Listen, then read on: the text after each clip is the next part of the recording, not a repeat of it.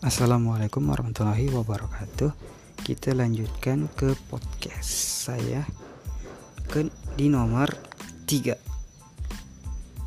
Sebutkan empat unsur pokok yang menjadi pembeda antara suatu sistem ekonomi Islam dan sistem ekonomi lainnya.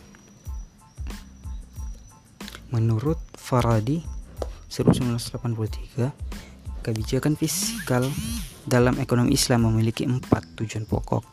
Yang pertama, mewujudkan keadilan dan kesejahteraan, penyediaan kesejahteraan sosial ekonomi, mendorong pertumbuhan ekonomi atau pemanfaatan daya ekonomi, memperbaiki moralitas dan budaya ekonomi.